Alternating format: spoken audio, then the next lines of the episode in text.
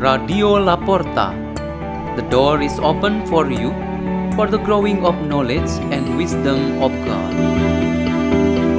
Delivered by Clara Novayanti and Yunita Simon from St. Peter's School, Jakarta, Archdiocese of Jakarta, Indonesia.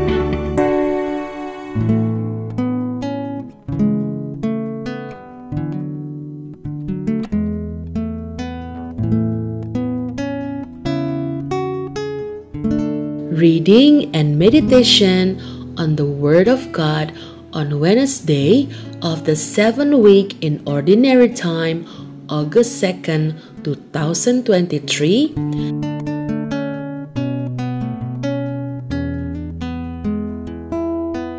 A reading is taken from the book of Exodus 34 29 until 35. As Moses came down from Mount Sinai with the two tablets of the commandment in his hands, he did not know that the skin of his face had become radiant while he conversed with the Lord. When Aaron Dan, and the other children of Israel saw Moses and noticed how radiant the skin of his face had become, they were afraid to come near him. Only after Moses called to them did Aaron and all the rulers of the community come back to him. Moses then spoke to them. Later on, all the children of Israel came up to him, and he joined on them all that the Lord had told him on Mount Sinai. When he finished speaking with them, he put a veil over his face. Whenever Moses entered the presence of the Lord to converse with him, he removed the veil until he came out again. On coming out, he would tell the children of Israel all that had been commanded. Then the children of Israel would see that the skin of Moses' face was radiant. So he would again put the veil over his face until he went into converse with the Lord. The word of the Lord.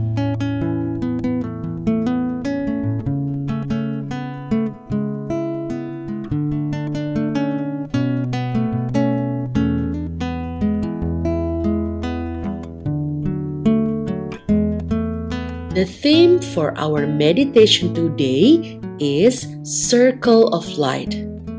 Starting from Jesus, then our Blessed Mother, Saint Joseph, the apostles, and the saint, on their faces or images, there is always a halo around their heads. This is a circle of light. Sometimes people, instead of saying the terms holy, blessed, or perfect, they just make a circular hand gesture symbol above their head to convey that meaning. The halo above the head means the person concerned is a saint or holy person. Why does it belongs to the saints? Because the fullness of God's grace is in them. Because they meet the criteria for the fullness of grace, as Jesus says that a person becomes perfect like the Father who is perfect. Having a halo or circle of light above someone's head is meant to make that person becomes a model of perfection for many people. In today's first reading, Moses is described as having a halo and his face sparkling as soon as he was found after coming down from the mountain where he met God. Furthermore, every time he met and talked with God, those around him saw a light glistening on Moses' head and face. The question would be Does Moses' experience become our experience too when we have an encounter with God?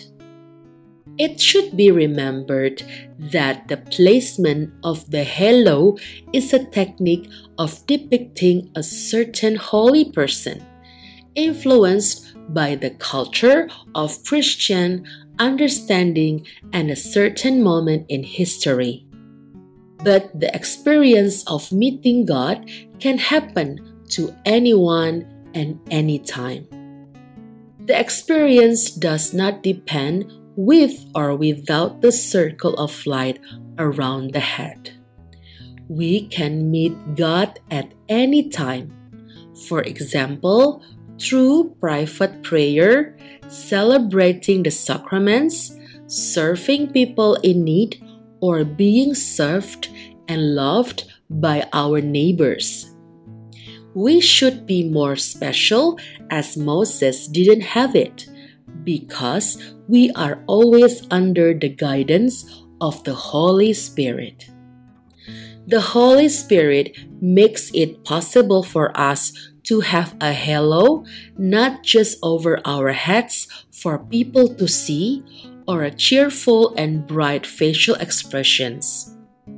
Jesus Christ always accompanies us with his teachings so that we choose the kingdom of God as our only option. That is God Himself, and by having God's kingdom, we shine even more because we are filled with the light of God, the Almighty Father. Today, we will certainly become shining personalities. If from morning to bedtime at night we truly become another Christ for people around us. Let's pray. In the name of the Father, and of the Son, and the Holy Spirit. Amen. O Lord and our God, come and bless us, especially today, so that we can present your glory through our words and deeds by imitating your Son, our Lord Jesus Christ, throughout all time. Hail Mary, full of grace, the Lord is with thee. Blessed art thou among women, and blessed is the fruit of thy womb, Jesus. Holy Mary, Mother of God, pray for us sinners, now and at the hour of our death. Amen. In the name of the Father, and of the Son, and the Holy Spirit. Amen. Radio La Porta. The door is open for you.